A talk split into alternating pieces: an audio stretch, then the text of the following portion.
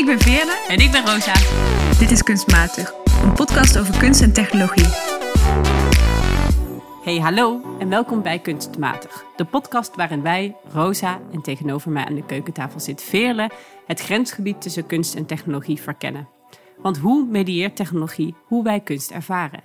En welke kritische vragen stelt kunst aan technologie?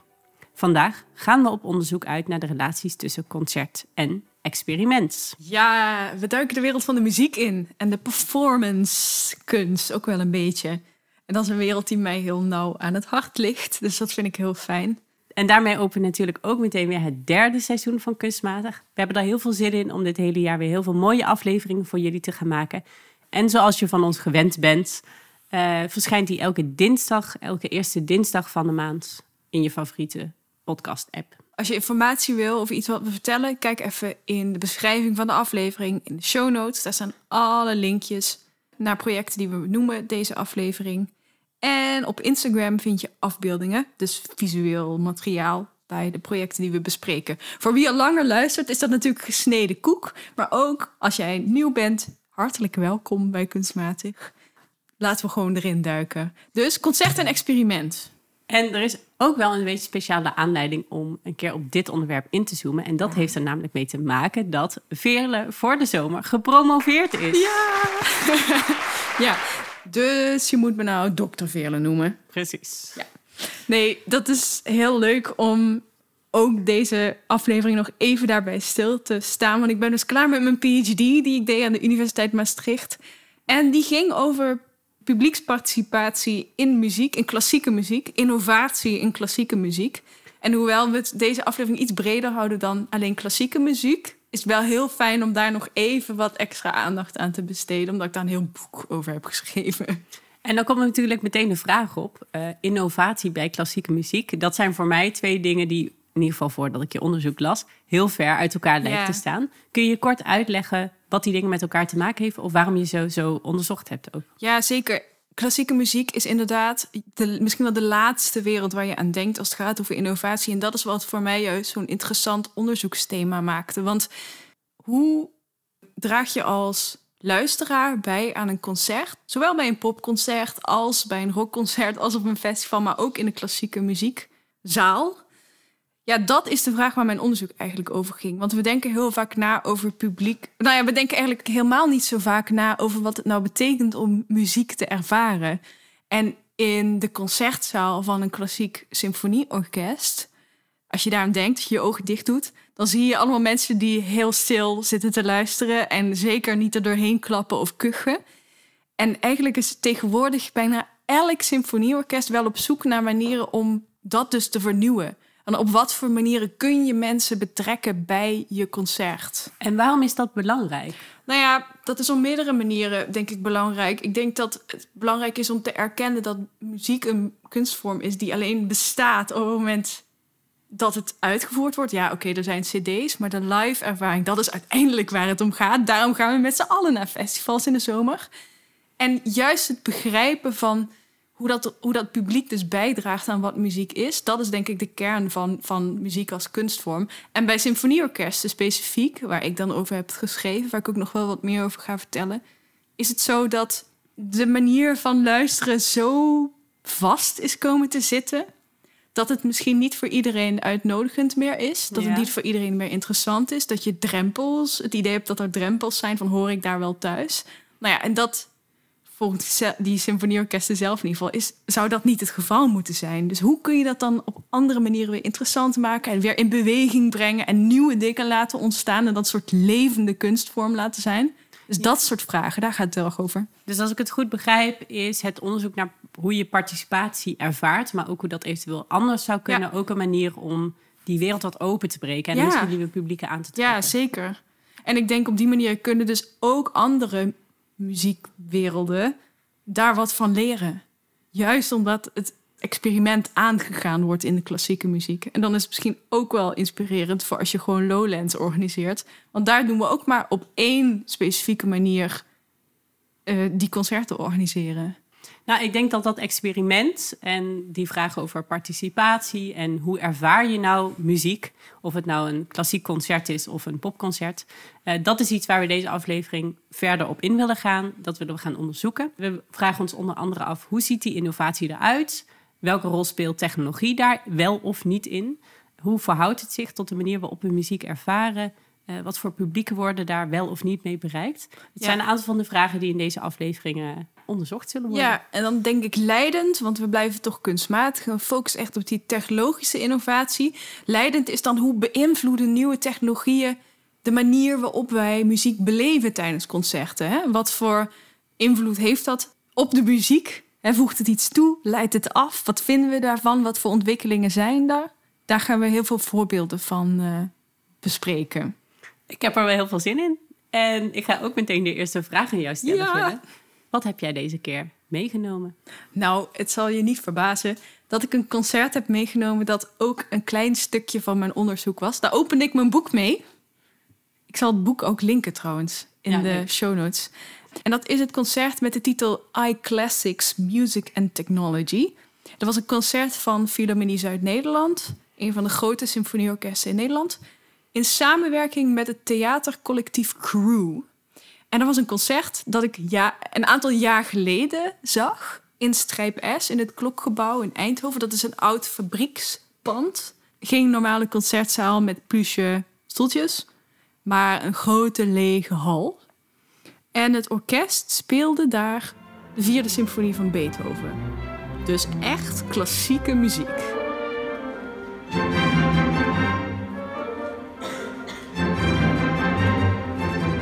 Voel daar meteen al dat experiment. Inderdaad.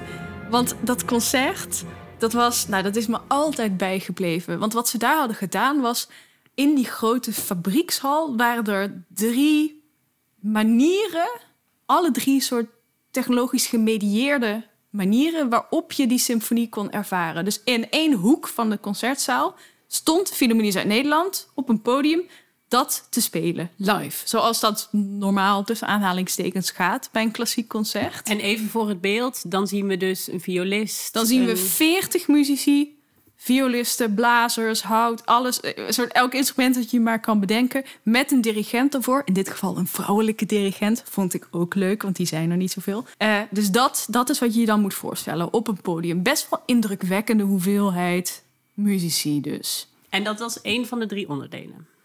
Dat was één van de drie onderdelen, ja, was dat orkest dat daar stond. En ik kom later bij hen. Maar waar ik begon, was toen ik binnenkwam in dat klokgebouw kreeg ik allereerst een sticker in een bepaalde kleur. Alle mensen die binnenkwamen kwamen een sticker. En toen bleek al snel dat ze ons dus in drie groepen opdeelde, het publiek. En toen ik binnenkwam werd ik meegevoerd naar één hoek van het klokgebouw.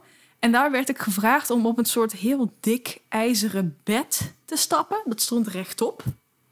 En dan moest ik op een soort eh, drempeltje met mijn voeten. En dan moest ik zo tegenaan leunen met mijn rug. En ik kreeg een koptelefoon. Het orkest was begonnen met spelen. Ik moest die koptelefoon op mijn hoofd zetten. Daar hoorde ik een soort soundscape dat correspondeerde met de muziek die ik hoorde. Dus ik hoorde allebei tegelijkertijd. En zodra ik die koptelefoon opzette en mijn ogen dicht deed, kantelde dat ijzeren bed naar achteren. Dus totdat ik horizontaal lag. En wat er toen gebeurde, wat toen bleek, dat was dus een bed waar een bepaalde technologie op aangesloten was die de trillingen in de ruimte opving en vertaalde en dus doorzond. Dus toen voelde ik letterlijk de muziek die gespeeld werd in die ruimte in mijn rug, in mijn lijf. Oké, dit hier gebeurt er zoveel ja, al. Dit is zo anders. Je zei net inderdaad, vaak als we aan klassieke concerten denken, zien we dat beeld voor ons van een theaterzaal met comfortabele pluche stoelen waar je vooral heel stil moet zijn. En hier lig je met een koptelefoon op een metalen bed, terwijl je trillingen voelt en een orkest hoort spelen. Te luisteren en te voelen. Dat was de allereerste keer ooit dat ik me realiseerde dat al die instrumenten, als je 40 instrumenten in de ruimte zit, dat die natuurlijk keihard trillingen veroorzaken. En toen voelde ik dus dat ik lage tonen, die voel je dus blijkbaar helemaal beneden in je rug, echt bijna bij je billen. Ja. En hoge tonen, die zitten soort van in je ruggengraat. Wat bizar. Die, die resoneerde met andere plekken van mijn lijf. nou ja, dat, dat was een soort bizarre ervaring. En op dat moment realiseerde ik me niet eens dat dat technologisch was. Dat was zo bijzonder aan dat concert. Het ging niet om een soort foefjes laten zien, een soort technologische coole snufjes. Maar de technologie was ingezet om je te laten voelen dat die muziek uh, soort immersief kan zijn. Dus dat je er helemaal in op kan Dat je er helemaal in op kan gaan. Echt letterlijk met je hele lijf. En reageerde jouw lichaam daarop op? Kreeg je kippenvel of uh, ik vond het heel shaken? Nou, dat niet zozeer. Maar ik weet nog dat ik echt heel erg onder de indruk was van hoeveel ik voelde en hoe, hoe het me ook deed nadenken over dat ik bij andere concerten soms de bas kan je zo voelen in je borst. Of zelfs in je neusvleugel. Of zelfs in je neusvleugels. Als het te hard staat. ja, maar het deed me mm. denken over hoe dit bij muziek natuurlijk altijd aan de hand is. En ook denken van, oh, oh dit is waarschijnlijk hoe doof en slechthorende mensen ook luisteren en muziek kunnen ervaren. Want muziek is trillingen in de lucht. Dus het deed me heel erg daarover nadenken terwijl ik dat voelde. Maar nog iets meer daarover, want dan, daarna gingen we door naar het tweede luisterstation. En daar hingen aan een soort constructie hingen hele dunne ijzeren platen. En toen werd je gevraagd je voorhoofd tegen die platen aan te duwen, balanceren en je oren dicht te doen. En wat er dan gebeurt is dat je dus de trillingen in je hoofd hoort. Nou ja, denk je, oké, leuk. Maar wat wil nou, dat las ik pas achteraf, Beethoven, die werd later in zijn leven doof. En dit was de manier waarop hij componeerde. Door met een stokje in zijn mond aan de piano de trillingen op te vangen en in zijn hoofd te laten klinken. Oh, wauw. Dus het is een hele andere ervaring van hetzelfde geluid. Precies, zo gelaagd. En, en ja, wat, ik moet niet zeggen, wat hoorde je dan, maar wat ervoer je dan? Maar je hoort dus wel wat. Je hoort dus echt tonen in je hoofd. Heel raar. Had ik nog nooit meegemaakt. En klinkt dat dan anders dan als je Ja, ik vond het wel scheller klinken en misschien minder rijk. Maar je hoorde wel, ja, je hoorde het wel echt in je hoofd. Je, moet het eigenlijk, je zou het eigenlijk een keer moeten uitproberen als er een muziekinstrument is. Ja, ik vind het moeilijk om me voor te stellen, maar ja, dat maakt het des te interessanter. Want het is niet iets waar je zelf op zou komen, denk ik, snel om dat uit te gaan proberen als je nee. niet slechthorend bent. Ja. Ja, maar in ieder geval, dus, dus, en dat was dan het tweede. En het derde was eigenlijk het minst technologisch. Ja. Want toen kwam je bij het orkest aan. En daar mocht je rondom de dirigenten aan haar voeten op het podium gaan liggen, gaan zitten.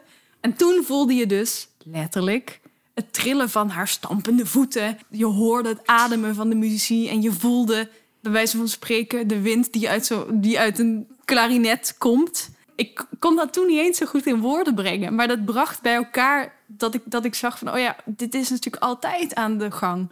Al die technologieën hebben ervoor gezorgd dat ik me ervan bewust kon worden wat muziek lichamelijk met ons doet als we dat ervaren. Mind blown. Wat ik daar spannend aan vind, is in, zeker dat laatste voorbeeld dat je beschrijft, of dat laatste stadium, dat het eigenlijk ook heel gaat over de lichamelijk en menselijkheid van zo'n concert. Ik weet zelf, als ik wel eens bij een klassiek concert ben geweest, dat het soms allemaal zo perfect voelt. Dat ik soms ook een beetje wegdommel, omdat het het lijkt naadloos op elkaar aan te sluiten. Het bijna mechanisch in die zin. Volgens mij schrijf je in je onderzoek ook over het orkest als een machine in zekere zin. Ehm, en het lijkt doordat je eigenlijk die verschillende stappen bent doorgegaan en je ook anders door de ruimte mag verplaatsen, dat je eigenlijk veel meer in contact komt met die menselijkheid. Ja, dat vind ik echt super mooie observatie. Ja, ik denk dat dat wel waar is. En ik denk zelfs dat dat misschien is wat klassieke muziek en technologie wel met elkaar gemeen hebben in, dat, in technologie gaat het ook heel vaak om zo strak mogelijk en zo soepel mogelijk. En geen glitches en zo flashy mogelijk. En als je maar niet doorhebt hoeveel werk daarachter zit. Want het moet makkelijk en gebruiksvriendelijk en, en uh, soort shiny zijn. En ik denk dat een symfonieorkest in zekere zin ook heel hard werk doet om al het werk en al die menselijkheid dat te verbergen. Terwijl ik hou heel erg van glitches en van foutjes en van de struggle kunnen zien. En zien dat iets menselijk en gemaakt is. Dus ik denk dat dat misschien wel is waarom dat concert me zo bij is gebleven. We zijn in deze aflevering geïnteresseerd in die vraag rondom ook hoe, hoe verandert technologie muziekervaring, uh, met name tijdens concerten. Er gebeurt superveel. Dus ik heb het idee dat je daar met een hele andere ervaring uitgaat. Je leert iets nieuws, het is innovatief. Was het ook beperkend in hoezeer je luisterde naar het concert? Want ik kan me ehm. voorstellen dat je misschien afgeleid raakt van, van de beleving van dat concert? Of is dat juist die aanname die een beetje onbewust bestaat in dit soort ervaringen van concerten die, die, die dit concert weer doorbreekt? Ja, ik kan niet voor iedereen spreken natuurlijk. Maar ik vond dit zelf een voorbeeld van een concert dat juist mijn ervaring van de muziek rijker en gelaagder maakte. En waar ik niet zozeer mijn aandacht hoefde te verdelen, omdat het juist de technologie was echt ondersteunend aan wat er klonk. Mm. Om dat op andere manieren ervaarbaar te maken. Terwijl ik ben ook wel eens naar concerten geweest waar er dan ook een film wordt gedraaid. Ja. Dat vind ik dus super moeilijk. Want dan moet ik echt mijn aandacht verdelen. En dan wordt de muziek al bijna een soort soundtrack. Omdat ik dan zo op mijn ogen gericht was. Maar dit was dus, ik denk, expres niet visueel. Vond ik heel interessant. En dat theatercollectief Crew, die hebben natuurlijk heel hard werk gedaan om, om een soort onderdompeling te kunnen creëren in die situatie. Dus het wordt een soort luisteren met je hele lichaam in plaats van alleen met je oren, als ik dat, het goed hoor. Ja, en niet met je hoofd, maar met je gevoel. Veerle, ik eh, denk dat het tijd wordt om de vraag der vragen te gaan stellen. Was dit kunst of was dit matig? Kunst. Ik heb echt ook heel veel experimenten gezien waar ik heel veel vraagtekens bij heb. Maar ik heb expres dit meegenomen omdat het me altijd bij is gebleven als een voorbeeld waarin je kan zien dat technologisch experiment een manier kan zijn om klassieke concert te verrijken en gelaagder te maken op een interessante manier waarbij de technologie niet een soort hip iets is om de jongeren in de zaal te krijgen, maar waarbij, waarbij het echt een nieuwe artistieke ervaring van die muziek oplevert. En wat mij betreft wordt zo'n symfonie, die dan al eeuwenlang bestaat en al duizenden keren uitgevoerd is, wordt daar dan een, nieuw leven aangegeven. Zodat die ook op nieuwe manieren kan bestaan. En volgens mij is dat waar, waar innovatie over zou moeten gaan. Dus, Rosa, wat heb jij meegenomen deze aflevering? Ik heb het werk Raving Dahlia meegenomen. Dat zag ik in het voorjaar toevallig ook in de buurt van Strijp S, maar dan bij ah. Strijp Festival in Eindhoven. En ik zei toen al tegen je, ik wil hier met je over praten in de podcast. Ehm, dus ik ben heel blij dat dat nu eindelijk kan. Uh, Raving Dahlia is een werk van componist, ehm, zangeres en producer Sef Dalisa. Nederlands-Iraanse artiest die in Nederland steeds meer bekend wordt, maar ook vooral internationaal gewoon heel veel bekendheid geniet. Ik vind haar een hele interessante muzikant.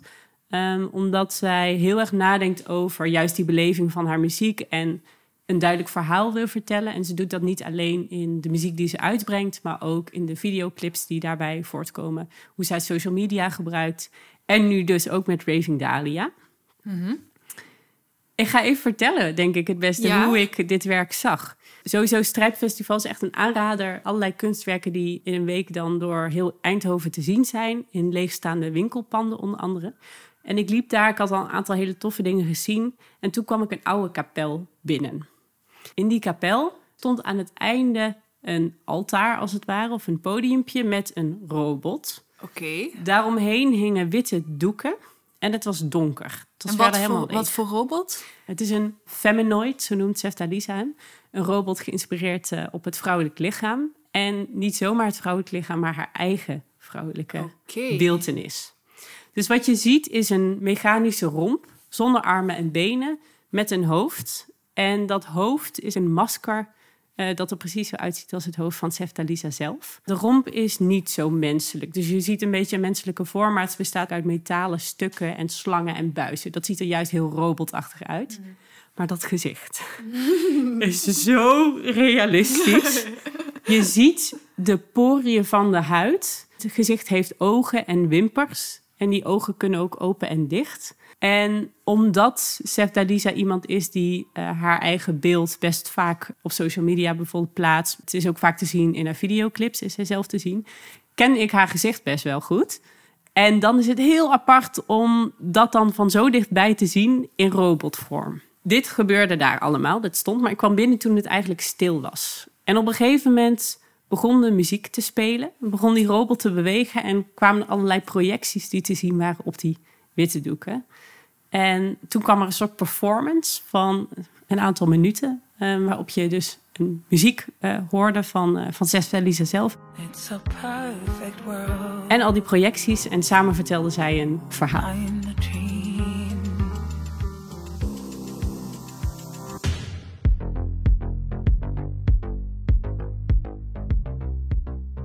Okay, en die robot begon dus ook te performen? Die robot begon te bewegen. Die keek, soms keek je aan, soms met de ogen dicht. Die romp die draaide ook. En dat was eigenlijk ook heel spannend. Want ik had wel het vermoeden dat die robot zou gaan bewegen. En ik kwam ook dichterbij. Maar op het moment dat dat gebeurt, schrik je gewoon kapot. Dus dit is echt weer zo'n voorbeeld van de Uncanny Valley of de Griezelvallei in het Nederlands. De momenten waarop een, een robot zo echt lijkt, uh, zo menselijk lijkt, dat het eng wordt. En hoe verhoudt deze, wat is het, een installatie of een performance? Of... Ja, ik, ik denk dat het officieel een installatie is, maar ik er, heb het ervaren als een performance. Oh, en dat vind ik wel heel interessant. En daarvoor moet ik misschien ook iets meer vertellen over het verhaal. Ik, want, ja, want ik was me aan het afvragen, hoe verhoudt zich dit dan tot haar praktijk als performer en als muzikant? Sef Dalisa is een artiest die zich heel erg uitspreekt over haar rol als vrouw in de muziekindustrie. Uh, en hoe ze heel vaak te maken heeft met vooroordelen, bepaalde standaarden waar ze zich aan moet voldoen of uh, tegen verzet. Mm -hmm. En zij zet die robot eigenlijk in om een gesprek te openen over die schoonheidsidealen en over dat hele problematische vrouwbeeld waar zij steeds weer mee geconfronteerd wordt.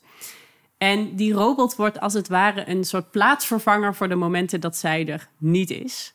Maar wat ik ook denk, en dat is wat ik er, zoals ik het zelf geïnterpreteerd heb, voor mij roept het heel erg de vraag op: wat willen wij op dit moment van vrouwen in de maatschappij? Wat willen we, hoe ze, hoe ze zich gedragen, uh, maar ook hoe ze eruit zien? Dat hangt heel erg samen ook met de projecties die te zien waren. Oké, okay, want wat was dat dan? Op die projecties zie je fragmenten van iemand die op Google informatie opzoekt over cosmetische ingrepen. Okay. Uh, je ziet beelden van mensen die plastische chirurgie on ondergaan. Je ziet uh, eindeloze Instagram-filters van mensen die maar dat perfecte lichaam willen creëren. Ja. En ik heb wel vaker gedacht, als ik mensen zoals Kim Kardashian, uh, iemand die nou, behoort, er wel onbekend staat dat ze veel plastische chirurgie ondergaat en die heel bepalend is voor het vrouwbeeld op dit moment. Ik heb me wel eens afgevraagd van, worden, worden we niet een soort robots als we allemaal aan dit soort verwachtingen gaan voldoen? Als je bijna alleen nog je ogen kan bewegen omdat je zoveel botox in je gezicht hebt. Ja, ja. Als alles zo perfect moet zijn en de, we daarmee soms ook zeg maar, de menselijkheid verliezen. En ik heb het idee dat dat beeld van die robot in die zin een mooie metafoor is om dat gesprek te openen. En dat hangt ook heel erg samen met de muziek die je hoort. Dus je hoort op een gegeven moment zegt Lisa ook zingen. It's a perfect world, I'm the perfect girl. Mm. Um, en dat, dat vond ik zo interessant aan het werk. Dus je ziet echt die, die robot die beweegt, die aan de ene kant heel angstaanjagend is en ook heel menselijk. Mm -hmm. uh, die beelden van alle verwachtingen waar vrouwen mee geconfronteerd worden. En die muziek. Uh, dat waren eigenlijk drie elementen waarop hetzelfde verhaal van verschillende blikken verteld werd. Maar we hebben nu weer een onderwerp dat heel gelaagd is. Ja. En waar de technologie, in dit geval de robot en ook de schermen en de projecties, die gelaagdheid aanbrengen. Maar de dynamiek is totaal anders. Het is bijna alsof die robot kritische dimensie toevoegt aan haar, haar professionele praktijk als muzikus, als componist, als producer. Maar hoe zet ze die robot dan in in haar praktijk? Of, want ik, ik, ik probeer nog steeds te zoeken naar de balans tussen... oké, dit was een kunstinstallatie op een kunstfestival... maar zij is, een, zij is iemand die optreedt op festivals, uh, internationaal ook. Hoe speelt dit daar dan een rol in? Of is dit iets wat ze ook doet, maar die kritische laag... die neemt ze dan niet mee het podium op? Of hoe verhoudt zich dat tot elkaar? Ik denk dat het in haar praktijk heel erg met elkaar verweven is. Ik heb haar op Lowlands gezien. Daar heeft uh, Sef Delisa zelf opgetreden. Was echt een fantastisch optreden. En daar zag je ook weer beelden van die robot terugkomen. En tegelijkertijd zag je in die performance van de robot weer beelden van Chef Dalisa. Mhm. Dus het refereert in die zin de hele tijd naar elkaar. Maar ik denk wel dat de ervaring van haar muziek verschuift. Dus op Hmm. Lowlands merkte ik dat ik vooral heel erg onder de indruk ben van haar als performer. Eh, ze is heel krachtig, ze kan fantastisch zingen. Als ik daar sta, ga ik dansen en op die manier ervaar ik de muziek. Hè? Het is echt een concert. Ja. Terwijl op deze manier, ik voelde niet de noodzaken of de behoefte om te dansen, totaal niet. Terwijl Ik- dezelfde muziek klonk. Terwijl dezelfde muziek klonk. Ik ging juist heel aandachtig luisteren. En door die robot en die projecties en alles samen had ik het idee dat het verhaal, hetzelfde verhaal, misschien weer op een andere manier verteld werd. Wederom, dat beeld van die robot, aan de ene kant is het heel angstaanjagend, maar aan de andere kant is het ook een opening. Misschien als Sef Dalisa niet altijd fysiek aanwezig kan zijn, zet ze die feminoid in. Roept het ook de vraag op, is dat dan genoeg of niet? Ja, en wat voor rol spelen persoonlijkheden en de naam? Wat, wat speelt dat voor rol en welke dimensies heeft dat in een, in een muziekpraktijk? Dat vind ik ook wel interessant. Het zet me ook weer aan het denken van ja, wat doet het nou dat bij dat concert dat ik meenam dat het Beethovens muziek wel is? Precies. Is dat dan belangrijk? Ja, blijkbaar wel. Ik denk het wel. En kijk, aan de ene kant roept het de vraag op over de toekomst van muzikanten ook. We hebben AI-illustraties al. eh, misschien komt er straks AI-muziek. Ja. Het is al een feit dat mensen soms naar een concert gaan met een hologram van Michael Jackson. Eh, dus dat was ook weer een andere manier waarop artiesten in een niet-fysieke vorm verschijnen. En ik denk dat dit daar ook weer een nieuwe ontwikkeling in is.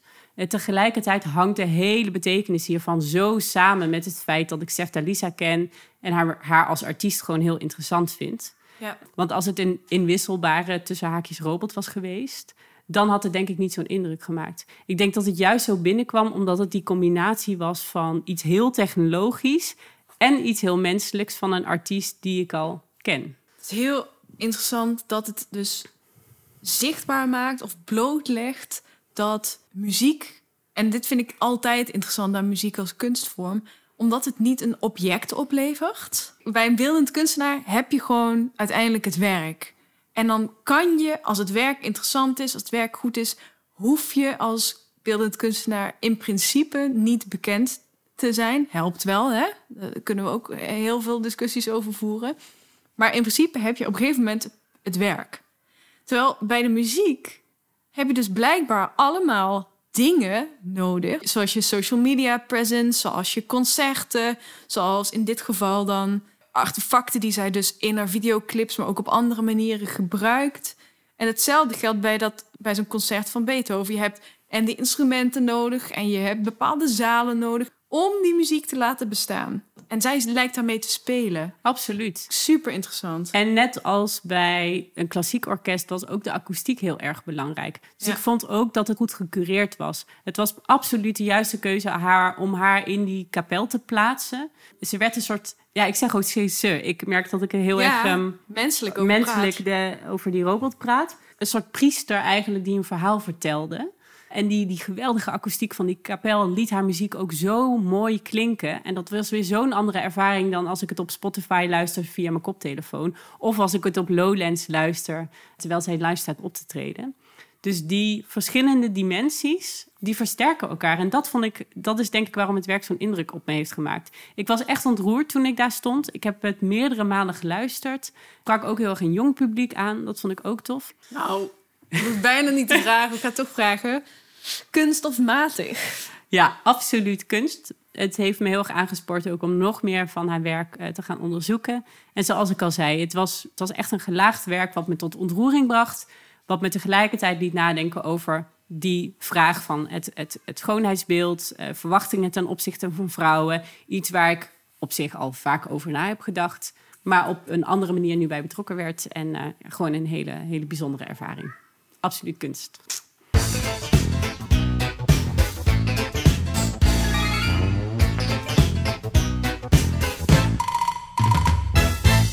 Deze keer in de gekke gadgets hebben we iets wat ontzettend veel lawaai maakt. Het is namelijk de datasynth van Error Instruments, een bedrijfje uit Hoofddorp.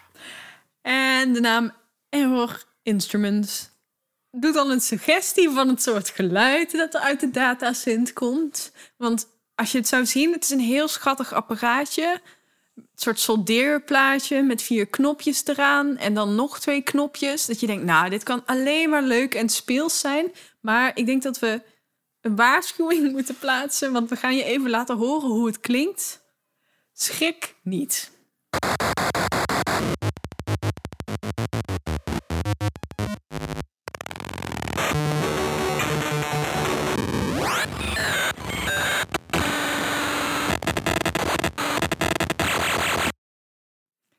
Dus. ik denk dat het zeker een innovatief instrument is. Het is ook heel handzaam. Absoluut. Ik heb niet het gevoel dat we heel veel controle hebben, maar dat kan aan ons liggen. Nou, het is een, een, een, eh, een gadget die geïnspireerd is op gamegeluiden. Het is een synthesizer en je kunt hem eigenlijk vasthouden als een gameconsole, alsof Ja. je aan het Nintendo bent.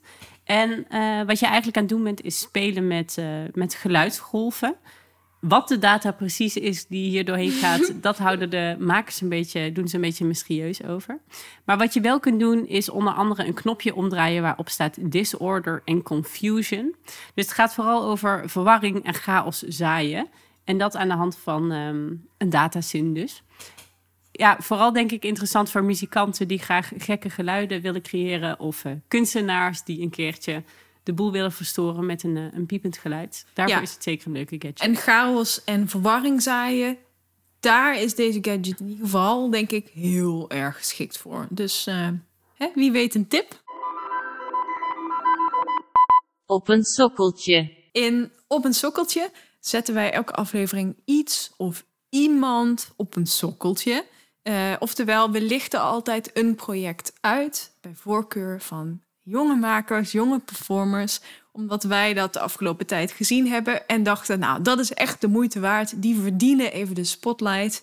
En deze aflevering hebben we uiteraard een muzikale performance, wilde ik zeggen, maar Een hoort- interdisciplinair muziekproject. project. Ja, je hoort dadelijk wel waarom we zo twijfelen met hoe we het moeten, in welk vakje we het moeten doen.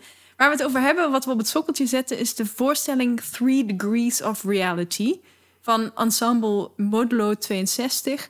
Zij zijn een heel jong ensemble van muzici die echt experimentele projecten, vernieuwende, interdisciplinaire projecten doen. En dit, eh, deze voorstelling, Three Degrees of Reality, hebben ze voor het eerst gespeeld op het Gaudiamus Festival in Utrecht. Dat is een festival voor jonge muzici, jonge componisten, om juist dit soort experimentele concerten te doen.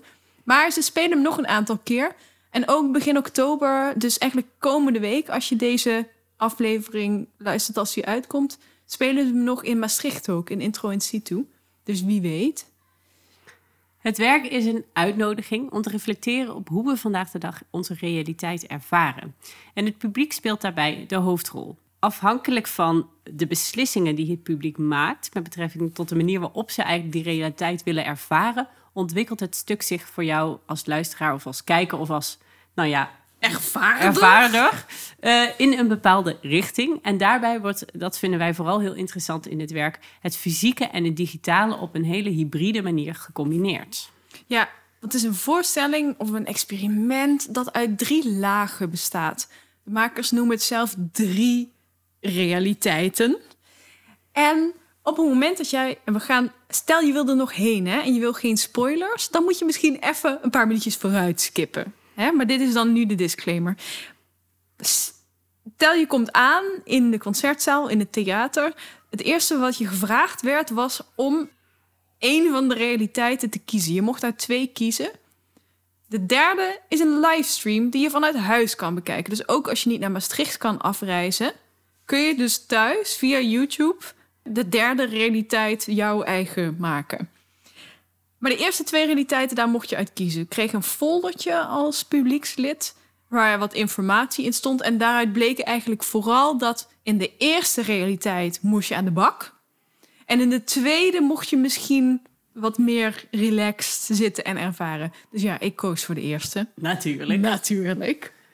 En nou, deze voorstelling, jongens, zo bizar. Vanaf het moment dat het begon, en het begon al voordat ik in de zaal was, het begon al in de gang. moest ik een soort kernreactorpak aan. Zo'n grijs pak van je enkels tot een mutsje op je hoofd. Met soort gaasjes voor je oren, zodat je nog goed kon luisteren. Schoenen uit, sokken uit. Doodserieus. De muzici hadden hetzelfde aan. Ook zo'n kernreactorpak.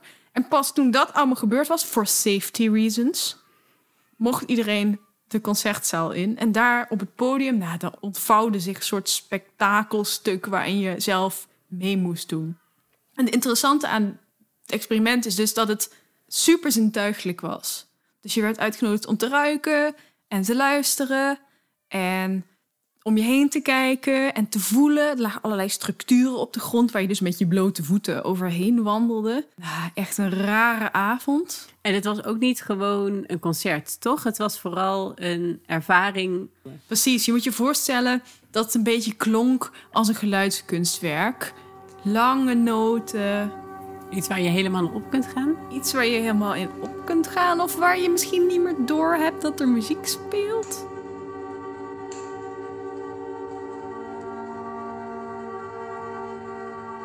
En dit was vanuit de realiteit die jij gekozen hebt. Maar de Ja. mensen die het online bekeken, die zagen niet gewoon een registratie, maar die zagen een ter plekke gemonteerde vorm van die realiteit die zich op dat moment in Utrecht aan het afspelen was. Precies, want wat we in het begin al zeiden, het was echt een interdisciplinair experiment. Dus het was echt een videograaf die dat opnam en die dus bezig was om daar daadwerkelijk een nieuwe realiteit van te maken. Dat is natuurlijk best wel interessant, ook in het licht van de afgelopen twee jaar, waarin we duizenden livestreams voorbij hebben zien komen, die eigenlijk standaard een registratie zijn van het concert zoals het plaatsvond.